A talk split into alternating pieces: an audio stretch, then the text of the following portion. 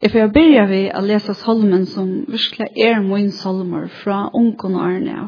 Og til salm 121, jeg litt i egen min med til fjøtlen hva han skal hjelpe meg komme. Hjelp meg kommer fra Herren, som har skapt himmel og gjør. Ikke skal han lete fot i nækken. Ikke skal han blunda som værer til. Nei, han blundar ikkje og svever ikkje han som værer Israel. Herren er tann og i værer til. Herren er skutje, skutje under høyre litøyne. Solen skal ikke gjøre der mein om dagen, ei heldur manen om nottene. Herren værer til, fyr i øtlån ytlån. Han værer sjaltøyna. Herren skal være utgeng og inngeng tøyn, fra nu av og til evige tøyer.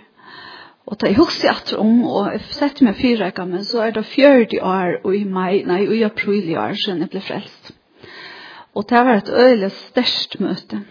Jeg var ung, og, og det var noe særlig til togene. Og ferdig at, at um, jeg har virkelig gjort det, jeg har sett den nye å skrive, at jeg er eh veit og ta videre dit, jeg kan gå snakke noe snakk og så får man kanskje en enda som man ikke ordentlig vil men jeg har virkelig sett meg nye og skriva nye og sagt ut om at jeg må det som skal fortelle, at jeg at jeg skulle fortalt alt det som jeg har opplevd personlig at jeg finner løyve, må jeg si, av er vi her som god over nå med vi og røst, så heter vi noe nek så jeg färg att at lese dette opp, og vevne til for eisne djeva tick och näka och inne tikkere løyve. Det er nekve tankar hva skal sija, men jeg kom i atro atro til at det er han som gjør verste. Det er han jeg skal vittna om, hva at jeg er sloppen av vera vi til og oi. Det er ønsken som han. Det er ønsken som nemer hjertestrønsene som han. Han ville vittne om. Det er nå 40 år siden lien. så jag første första møte. Selv om det har vi alltid vi uppvant vi att mamma har lyst och be ved mig. Men det verkliga möte ved Jesus. Det var ett kvällte och en tog. Här kvørste är att la mine viner vill du försöma näka møte. Vi vil du hava alt vi, undervisning, vittnesborder, vittnesfragreiningar, og om hva de han gjørte, og ta oss fast hos av om dem. Eh, ta i en langsel, ta i, og folk var glede. Vi var jo kanskje bare 12-14 år da jeg husker om det. Men vi var vidt til bønermøter. Og vi var jo sent ut av nottene, og i det husker jeg ofte om at jeg kom til hus, og mamma var bensjen. Du kan kanskje, ta var en kværdfond, man kunne se hva man var. Men, men det var så sterk bønermøter, det var så sterske løter sammen vi seg, at man vil slett ikke omvære det.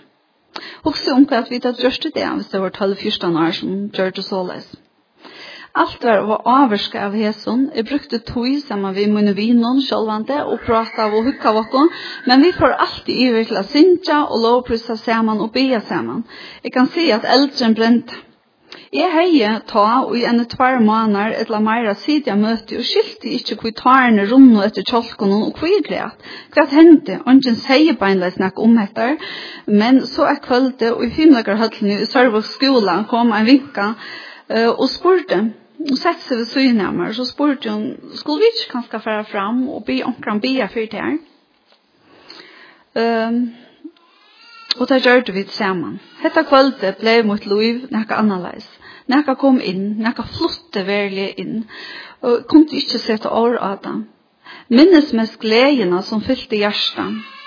Det var møte ved Jesus. Det var og bleiv og hever alltid vært nekka særligt. Og det er det inn. Jeg tar seg om hele andan som ånden ser, det er også om hettar at jeg vet ikke hvordan jeg var tykk om våren i gomdatalet til uh, Anna Gvidsson det at ha i prestan i kipa av fire godstjeneste, men jeg helt det var virkelig godt det som Andal Hansen tar seg om til bøttene om hettar vi hele andan og at han kom. Og så sier han, og det er blåst og man ser ikke da man blæser så blåst jo en harste mikrofona det ser man ikke men, men hvis man stender noen her så føler man det ha? og så demonstrerer diskuterar hon där vi hon tog en ballong så säger hon ta dig ta en ballong och blåsa den och så ser det att det vinter att det är några en ante som kommer till att det är en kraft som för in i och titta man, så tog hon det här vi vi sa på blörmen som trimon la fyra och blåste ju alla sa på blörna för oss det ta ser man det vi kan ska men kan säga men vi söker inte till det vi höjer inte till det men i hus men kan eh, till eisen näka vi hur snär vi det Jeg sa hvordan mennesker blir forløst fra rus, familier blir totalt brøttet, og nekv heim blir brøtt. Minnes jeg at du var vunk hos nekv, og jeg har fortalt det, men glemmer meg aldri en som virkelig var nekvbunden av ruset, og at han ble frelster. Han var så læringer at hoven av bomsen og sånt. Og i løpet av den neste døvnen så var alt det vekk. Og Ta jeg også etter om at jeg har hatt en rente som vi tar stort snekker i sår, det er ikke bare noe som fer. Det var en grøying som godgjør det. Horene var oppe av hojen vekk, tja nekko om familjen, og vei yngre og eldre kom sammen, og de tog seg om dette som hendte. Det er ganske lukt i det, hvis man tanker i det, at det er nå er det det vi fotballte, og ta det noe særlig som hender her, og kvært, og det er vel snurre rundt ganske av Facebook om hver detaljer. Så det svært det nok eisne i mitt nokkon, at vi tåsa om hetta hva det var hent, og folk fortalt om. Eh, så svär det eisne vi, vi møter noen vi Jesus for mange mennesker. Folk ble ombrøtt, og det ble nekka nøyt, og det var nek som ble grøtt. Det var nek vi tilfører, og det var en sånn slik glede som er torr for å sette året. Minnes nekka etter mitt møte ved Jesus at det eisne gikk opp for meg, at jeg kunne eisne bli omkring bya for meg. Jeg struttes i nekvar vi høy på, og hei faktisk størst av siden jeg var en seks tjejer og gåmål.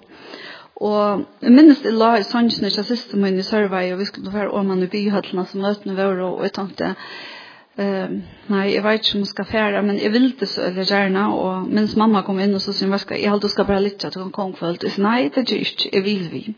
Och för vi vi satt där och ta mötte var Leo så för det till en av kona som som um, akkurat som vi var för på när tjänsten ens med Maja Dalskar och Benna Bia firmer. Og ta en ned byfirmer, så sier en lov i en helsan til tøyen, og det er at jeg sier at så er som røyker fer etter luftene, så la strykje til en høy på en ut. Og det er det, det er fjørt der Alt som plava, så la etter og atter. Ta hver øyelig, det ta stendet så forferdelig fast i høtten av meg, at som bad, som tjejer gå om 8, 9, 12, 11, 12 timmar, at, um, at uh, jeg heier så ofte til å si mamma, hei man kunne skifte høttet ut. Her man virkelig kunne skifte hatt jo, det var som jeg av ofte litt. Men det er jo sånne grunner. Det som jeg vil vittne, og til er det her, hvordan jeg har sett, og hvordan jeg har hørt ut av noen alle i år, at, og, og jeg husker om at jeg ser min aller beste viner, og i alle løyvene må jeg si at han er han som jeg har bekjent meg aller mest til, som jeg har tåset og sett år av, for ut og korset, ute og gynnsje, eh ett telefonnummer stä här som det var stilt och bara kunna fortalt om allt det som är har vi haft en ju och som med vär. Och det som är fantastiskt det är att man har gjort det så det är också så på det även något ting men han kommer resten och så fyller han det och så känner han för nerver. Eh fra tull fra tullja alltså ta och är det frälst så minns det att det var Ölle krypen av oss her at jeg bøy for følte. Det var ikke vann vi, her som jeg tjekka møte. Og, og det var nok så kjøtt, så var det således at jeg slapp av vi, ta ut det bøy for følte. Så ofte så sett jeg som det bøy, eller vi er her, og jeg ble en pastor av det. Disse menn og så kvinner, de tog med vi og lærte meg, og det spurte ofte at jeg vidt, för å møte til at du løy høyde hva vi er bia. Og Og så gjør de det sammen vi, hesten eldre folkene som faktisk var gående i munnen ei, og det kan skal høre så mye i det. Men det er fantastisk. Helt utrolig. Men så at um, det neste som jeg har vi oppleva, og, og det er heter at um, at det struttes nok som jeg minns det var dotten som bad, og jeg heier nekka i, i ledgen som gjør meg for tre, og det har forutsakket så eisen til at um, at uh, laknen sier det var best at det gikk vi innleggen ut i en av beinene, en av foten og tog at um, det var det ville hjelpe på at det på inne som vi heier og i lenten og gikk vi ut, og så minnes jeg kvalitet som her som vi bør og fyre falt og så har stått hvor kan, hvor kan jeg ikke be det be for mer i hesen og det var akkurat som at um, sett meg en stål og her det bør og fyre meg Og minst at når jeg kom til hus, at her som brakje hei vært i lettjen og kjammer, har jeg faktisk ilt. Det var ordentlig snitt, men, men jeg prøvde ikke å bruke innlegg at når jeg hentet det, til jeg god, han gjør det et ondr. Korteskrell, og jeg har omgang brukt det atr. Eh, minnes eisne en sommerstevn, og det var Arne flott til havner i hver Åttalanda, og här som det var så så vi var runt 30 föringar och att ehm um, här som vi uh, bo en timme samman det. Här upplevde jag att det var en danskar som kom in och han säger jag vill så gärna vara vi samma vittig om det i bia. Han säger att det korrstål och höjtörsta och fyra till fem år. Och ta vi kan vara lio så tjekka. Det var fantastiskt att sitta och skott grött igen han grät och vi græt det, det var otroligt att sitte tog att ta i værelsestevne så sa jag folk virkelig blev grött och det reste sig upp men det var så nära på att man upplevde det så blev det något helt särskilt. Og som jeg atter og atter har huksa om, som jeg har skrivet etter, så er dette det som min vittnesbord er om Jesus, at jeg har finnet løyve å gjøre vi, jeg har finnet løyve å se og på nær hun, at han er gjørst. Arne genga og flytt til havnar, eh, ble gift, og til bøtten, og mengan kanskje være en streven tog, tog det var en streven tog at uh, man kanskje ut i andal i fronten og tåren jeg, akkurat som man synte rundt om og kjenner, man samleis ikke så nek mer. Og så ble jeg litt sånn annerledes. Og kanskje så om det eisene som er mamma vil lutte om bøtten, så, så var det ikke akkurat det samme å slippe sted. Men minnes da vi flyttet ned til Høyvukar, at, um, at det ble nekka her ta, det var onker som ringte og bjør meg via møte og ikke gav opp, mens vi får til en, en, et vikskift inn i kjeldene, her som god dør det, nekka vi med og vi mot lov, og at jeg atna at han der, jeg kjente jeg gikk i menigheten i Høyvik. Og det gikk heller ikke lunge kanskje inntil at jeg var vi fast i by. Og, og jeg husker om at, at ta og at det her som hendte og, og her inne, det var nok til at, at det var noen som kom og be for meg, og så begynte jeg å spørre hva er det som du strøyest vi, hva er det som er strevet, hva er det? Og det var således at det første badnet tjokken, da miste vi, og jeg kan skal laste alt inne, og helt at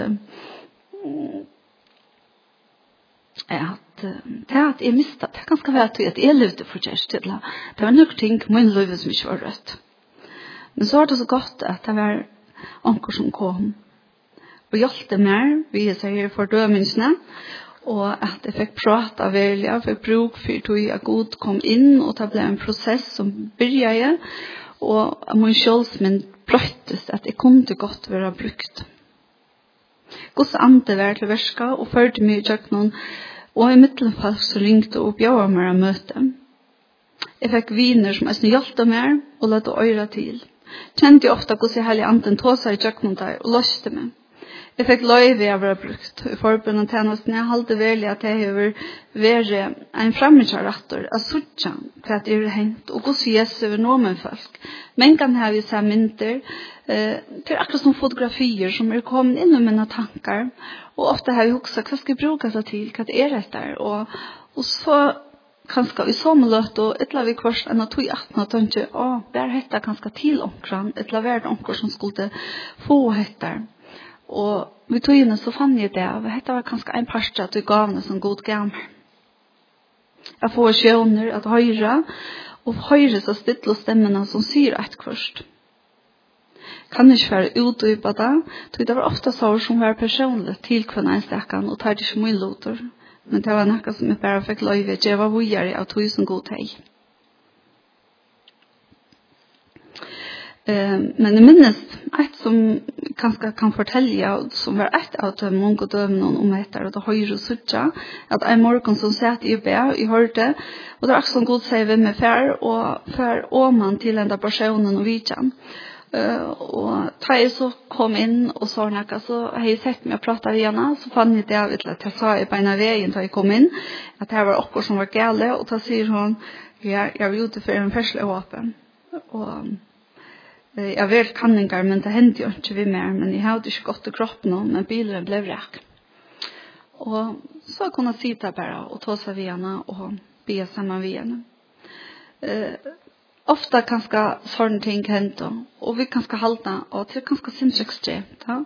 men, men um, ta gode er til så ger han så ett versk, så det bara spørninger om vi ikke hva det vi gör. Och till det som är har falt att og att og hugse og sige. Det er et her, at det er god færen, god sønner, god heilig anden. Det er tær som er til verska.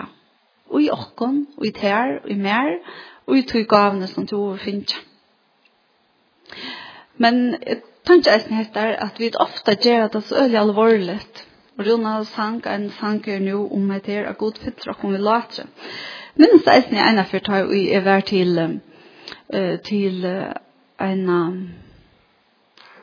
et vikskifte her som vi skulle bruke tøysene vi god til bare sitte og lorste og så kan jeg fortelle hva vi opplevde og så satt vi det her og at pura sitt og skulle sitte en halvann tøyma og jeg satt så og blomte en løs og hukte etter alt falsen så er resten god så antes hjem vi at det er så grev alvorligt. Og jeg har bare hva frøyset til. Takk som han fyllte med en sånn og lat inn i ui. Det er sånn, Ja, det er alvorlig, men det er god er eisne later, god er eisne glede. Men jeg har jo alle myndelig ringt vi halda meg sett her, og jeg minnes kjenslen enn hvordan struttes vi å klypa med lære, så jeg er ikke frøstet til ordet. Så forstår jeg at linje, ja. Men så har vi eisne mengan oppleva god at gjør meg det her, kanskje ta ut det være ting som jeg har følt av sin søs, så han visst meg et eller annet stund. Å ja, det er slett ikke så reavlig alvorlig. Spørning om jeg lett det tøyne henter, om jeg vet her. Um, vi husker om, er det ikke han som har skapt alt som er i okken, og hvordan er det lydebaten uh, til å tilby han. Og hans lytle bøttene som ikke sier at det er blodra og sånt er det ikke det som en tilbyen til han. Han elsker den. At såles er vi gode, og jeg har alltid han leskar og kom på nekvann i imiska mater.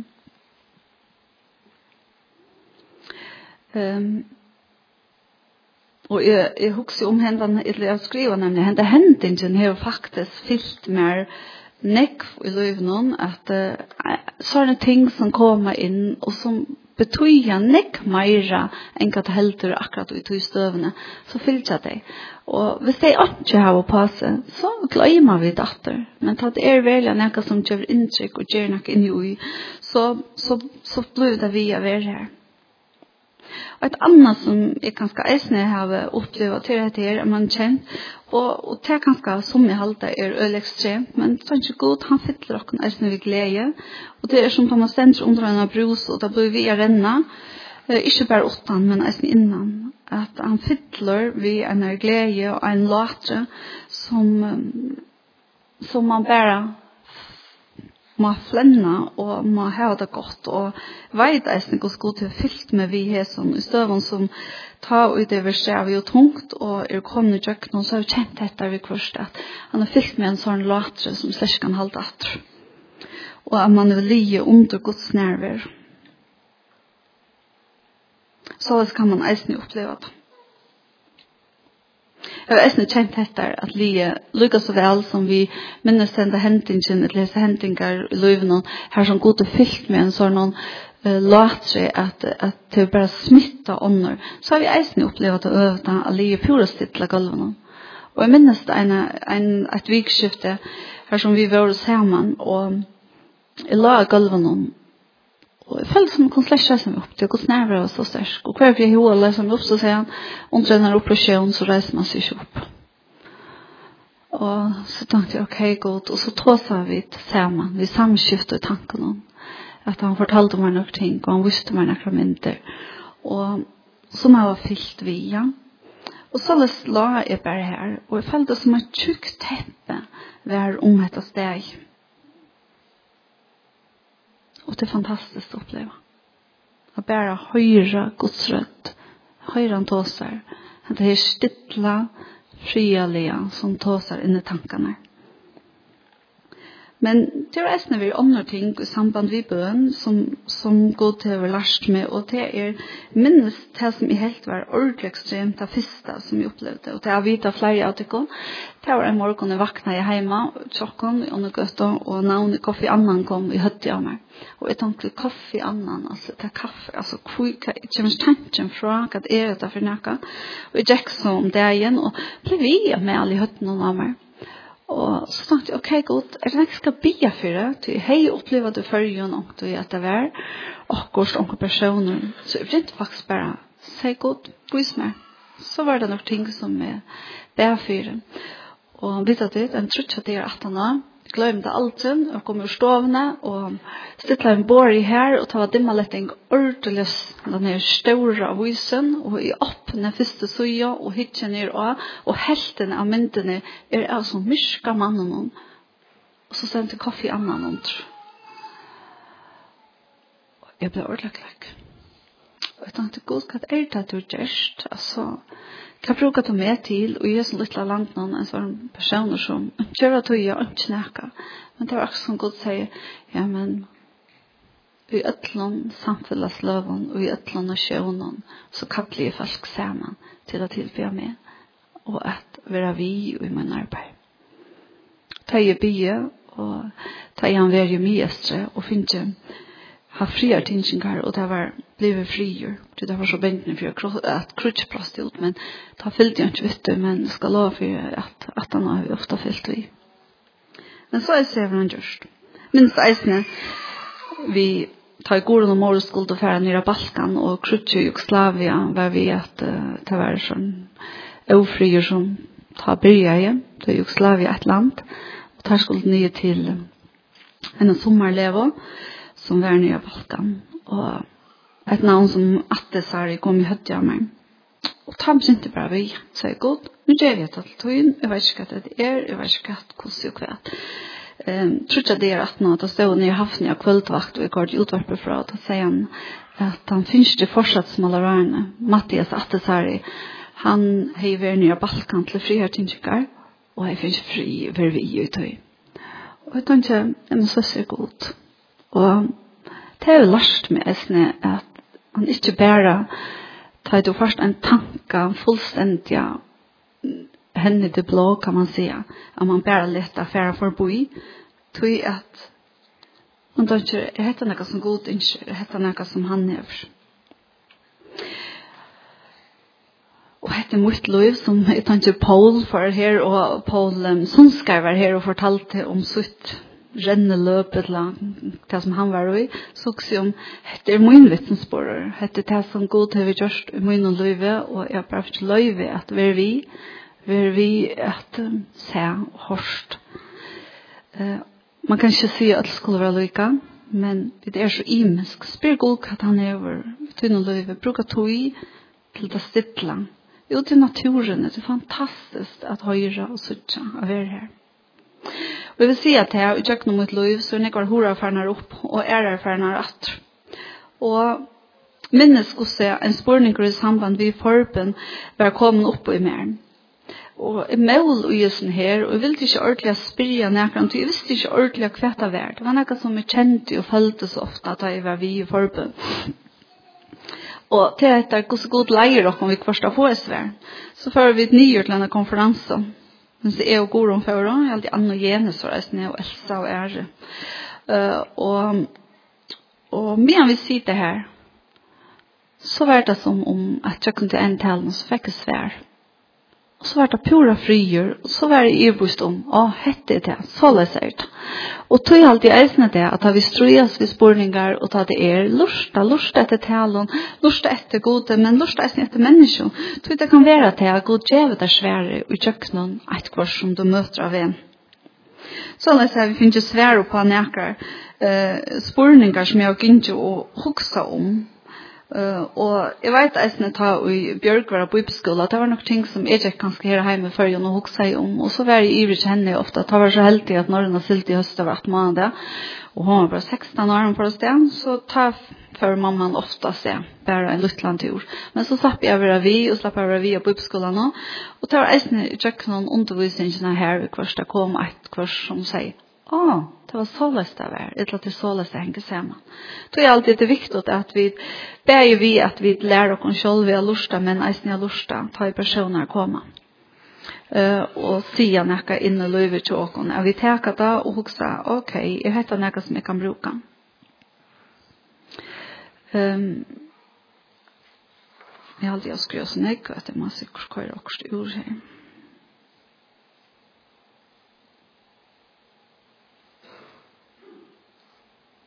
Ja.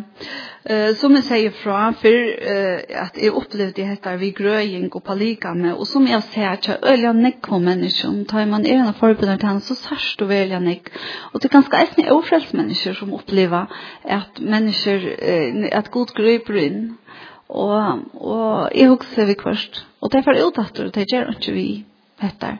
Men det var nog äsna något som hände till Jesus var. Så så vil jeg si at hvis jeg flyter meg fram ganske til 18 luten byrja jeg, og vi der ganske i Teivalio i Hagshandskola, i 2005 6 Ta for jeg et ett år skai, og her falt jeg god begynt igjen her innere grøying.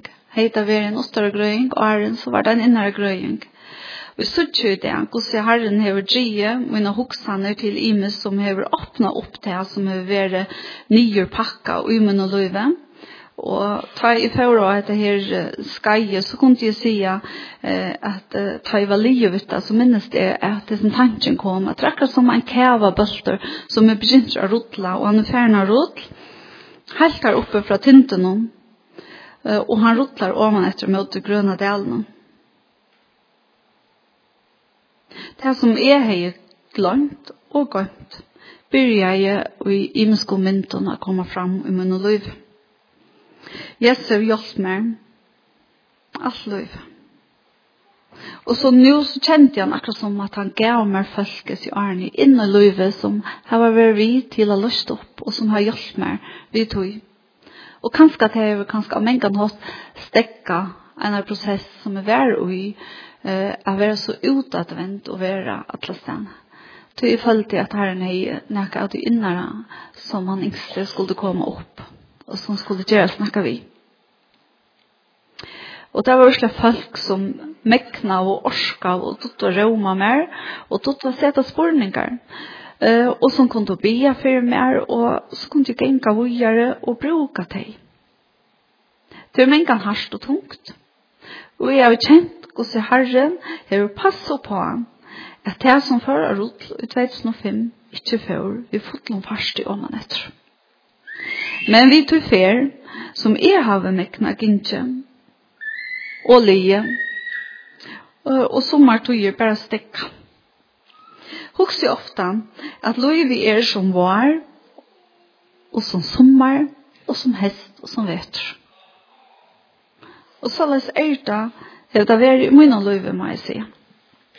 Men det er eisne godt vi kvar spæra litja, og kanskje Bare kjenne Guds nerver. Kjenne at han arbeider, og han lette han være til verska vi tar mennesker som var sendt inn i liv. Men sjølvande, så vil jeg si, det mest spennende tøye er at du sørst er god, er til verska kjønnelige. At du sørst velger kjønnelige enn som hender. Og det er såleis at det er. Ja? Alle de feriene som jeg vil oppleve, at bein har vokst ut, at mennesker er blivet grøtt, at mennesker er blevet for løst fra imenskene sjukon, er blevet for løst fra astma, blivet, altså, for jeg ser at og sånt. Det er ting som standa som värska man kan säga såna mm, mylpelar, la pelar i livet att jag aldrig har ivast om Guds existens och att Gud är. Vi kanske har sagt, vad är du? Men jag har aldrig, aldrig ivast om att det är en verlighet. Att Gud är en verlighet vi jar och i det och till äviga tog er. Och det är fantastiskt att det här var den tryggläkaren ville säga för mig. Og et som eisen har vi givet meg nækka i si årene, jeg fikk en bøk opp i håndene som jeg får å lese han. Og etter å lese disse bøkene, og hun eider hytten, så kunne nekve at jeg kunne kjenne henne. Så vil jeg si at det var akkurat som til og noen etter her tunga og strauna, så å få et beskrivelse av hele andan og Jesu og gode i kjøkken jøkkenen disse bøkene, har vi mengen disse myndene kommer til meg. Og og ta og jeg har kanskje ferdig selv ut en biltur og, og sagt at nå trenger jeg til luft og ta seg igjen. Så kommer jeg som tanken, hva skjer nå fremme for? Hellig anden la god til Jesus. Og, og, og så trekker det på smøydevandet da man leser seg versene, så, så forvandler det nekka vi hvordan er her vi hokser. Og hvordan det er verlig det er. Det er 30 personer som er og alt og Og hvordan tenker jeg til hele anden, hvordan danser han rundt om oss og innskjer å gjøre oss, og innskjer å fytte oss, og innskjer at vi skulle ta med møter. Hvordan er bøttene til oss ta i det reelle spent og innskjer å gjøre det en gav, og de blir vi til du har pakket opp og så. Og så er sminkan ganske sutt i eisene hettar vi at til pakker lagt det fremme for oss. Men vi leter at det er ganske kjøpt. Och detta spurskamer som är nei nej glömmer sig med mamma men så vel är snakka om spurskamer. Men tanke med en gång här inne då spurskamer. Vad du att du äger spurskamer nu? Ofta skåner där vita alla packarna som ta är. Men vad du att fer inn inne spurskamer stång horna. finn det gott du äger att antaliga pakka upp. Börja pakka upp god til till och Og kan han hur insta du ska vara och göra. Det var fantastiskt eh, för mig till beskrivelse och kan gjøre at jeg har tjekket oss på smulbandet jeg husker om dette her vi hela andan. Um, Og jeg trykker virkelig at god innskjer at komme nærmere til okkon. Og og hettar, hvordan får vi til himmel å gjøre? Vi lever her, vi er normale til at vi færer og gjør. Vi er ikke bare sett det til åndsje, men vi sett det ved en endamale. Her god innskjer å bruke åkken her som vi er og, at vi støy som vi er og. Hver vi så er i arbeidslivet, hver vi så er og, vi takler det noen, så innskjer han. Og jeg vil si at hever du ikke oppleva kjent verligene at Guds nerver, Guds gøskom, så søk inn til han, åpne hjertet, råpa til Gud. Den ikke gjorde det i jordskveldet, da Judith fortalte sin vispor, og sier, ok Daniel, jeg skal spia god komme inn. Skjønner jeg? Og så sier han, så røpte hun, god kom inn i livet meg. Og han kom. Og det er hever, eh, det er en fantastisk alt det er, jeg vært fyllt nekken av sånne unge folkene, som har gynt jo akkurat snakk om, og sier hva god til kjørste tarra livet, god sier farvannleie, og god sier god til å åpne horer, og grøtt. Det er eisen vi fantastisk å se. Og så er god til verska, og nekvann hatt.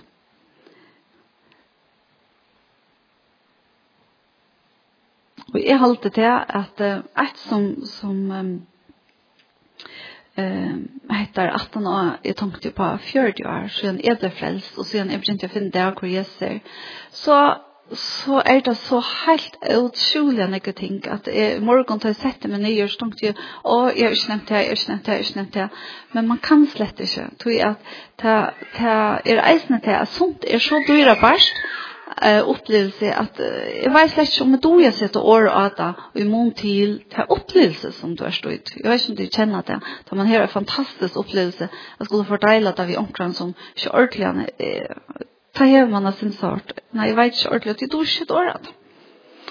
Og tog jeg også, jeg kunne sagt så reale enn ikke hva jeg når vi bøttene noen hvordan vi opplevde, det, hvordan jeg opplevde det til at jeg hans versene gvitt, hvordan mors og goron, ehm kom vi och mötte till table då gärna vi ofta att det var konferenser men så var det usligt att det at till så samman det mamma var för på när tjänsterna de upplevde sitt främsta bank då kanske sucha nek vad tog och och bara känna att hur det er eisen enn jeg kan fortelle om, og togene som, eh, her som jeg minst det ble frelst, og, og minst at Bjørk ble frelst, altså. At jeg minst han er vekk av en her stevne som var her inne i Østrøytene, og jeg tenkte hva er det, og hun var, og jeg vet, ikke, minst hva skal hun være, så tenkte jeg, akkurat avtale i familien i alt det være, vi skulle standa her som vi da mistet vekk. Så jeg sitter lang bare her og boja i tid, og tenkte, om jeg får komme undan, folk har håpe noen ångsten.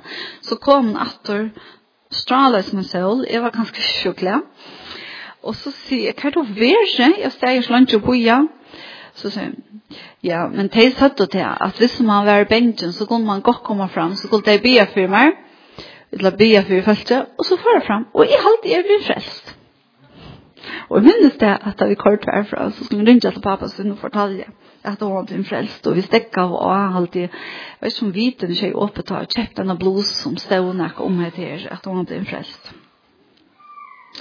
Så la seg over god eisne lagt i djøknon, og jeg halde eisne i djøknon arbeidslivet, atlan veien i djøknon til hitje atter, så tenkte jeg at jeg vil formale vi livet og hva det er mennesker man møter, men heller ofte at det er så virusles, men da er det så hikker atter, og jeg hitje atter, det er så ikke årene, det som kanskje jeg finner av skolegångt og sorg, så tenkte jeg, eh, minnes det sett meg nyer og tenkte hva i verden skal jeg nå bruke etter tid, hva skal jeg gjøre? Men det som jeg gjør det, det har jeg også så haft nytte av alt det som er i i kjøkkenen. Det har vi gjør meg, det gjør meg virkelig godt i det, og ut i forretningene så vi da åpner. Så altså, god leier ofte her som vi slett ikke halter, og så ikke noen mening. Men han hever, og nu kommer jeg til det som er, er god ivestur. Han er som er det tydelig, han er ivestur, han setter tingene på plass. Kanskje ikke alltid at du er sett og busspill sammen. Men ta tog i fralin, så kan jeg godt sutja det, at han ligger her, og at han er ikke snakket, vet du. Så at, um, Og så er det er det, og god er skiv akkur bare fyrjon da, han gir det snekkostene, han gir det til at han heimen, og jeg tenkte, ofte er vi så reale inne lukka, jeg som også klokka, vi skal ha det så, og det skal genka så, og det, vi må gjøre så, for vi får det rikka, det er ikke så. Og det er slett ikke sikkert om tid kan skal være at det er akkurat så som jeg har gjort, at det rikka til, det er så viktig til å spyr god, hva er det du lagt til mer? Men jeg vil si at togjen som jeg levde i som ung, det er absolutt smitta. Det smittar Glede smittar, langsel etter Jesu, at det sa til ut av den eldre menneskene, til smittar. Og at alle de sjøver som de fortalte om hvor Jesu er, og hva han gjør det til smittar. Og tenkte, det er en øyelig arbeid til åkken, jeg forteller hva gjør til dere som kom at han Hvordan smittar vi det vi Jesu? Hvordan smittar vi det vi tog, i stedet for til norsk? Tui at etter pura sikkert, at man kan søke etter alle mulighetene der, for at uh, få fri og meditera og alt mulig, men kjeldan er Jesus. Det er den største kjeldan til Jesus, seta seg til honom, læra seg. Lesa, solmaner, bare Ett som jeg har brukt nekt og jeg har følt at god, nå er det virkelig lekk borster, til det jeg har bare fortalt om alt det som ligger om min tanken, alt det som er med og alt det som er frustreret av, alt det som er tyngt, alt det som er gjørst med sorg og kjedd, bare fortalt alt, alt, alt ut som det er en person. Og det som jeg så har opplevd, det er kjenne frien fra godet som han gjør meg, så sier jeg, men lov, jeg er bare ikke syne av det. Jeg kan ikke si det her, jeg er det er virkelig, virkelig godt. Um, jeg blir Tony leid et video lær fram. Og jeg husker om etter at det er en låsanger. Chris Tomlin.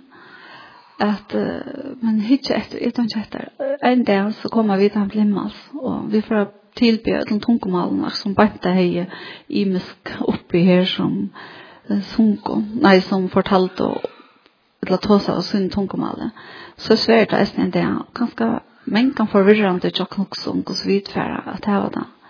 Men, men god, han er ikke forvirra Og du husker om, han vet akkurat her som du erst i morgen, kjenner akkurat henne støva, han kjenner hva du strøyes vi.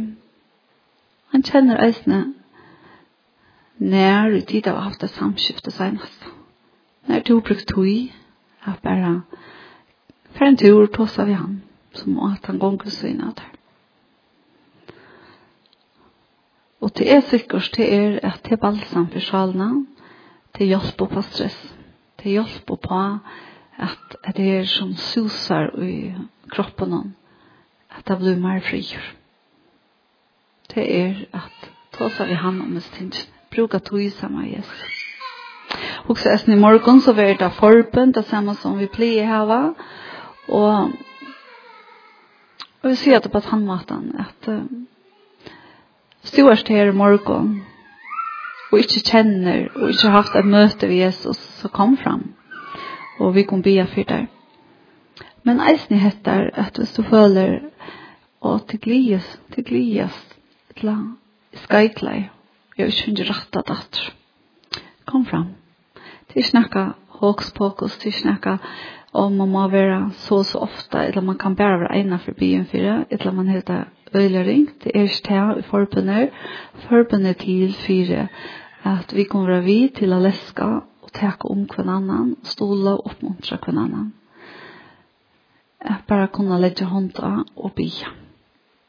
Det er det som vi er til i forbundet til Og Jesus han dømer ångan, og til det som vi tar vår og nek, til dette er til fralse, John.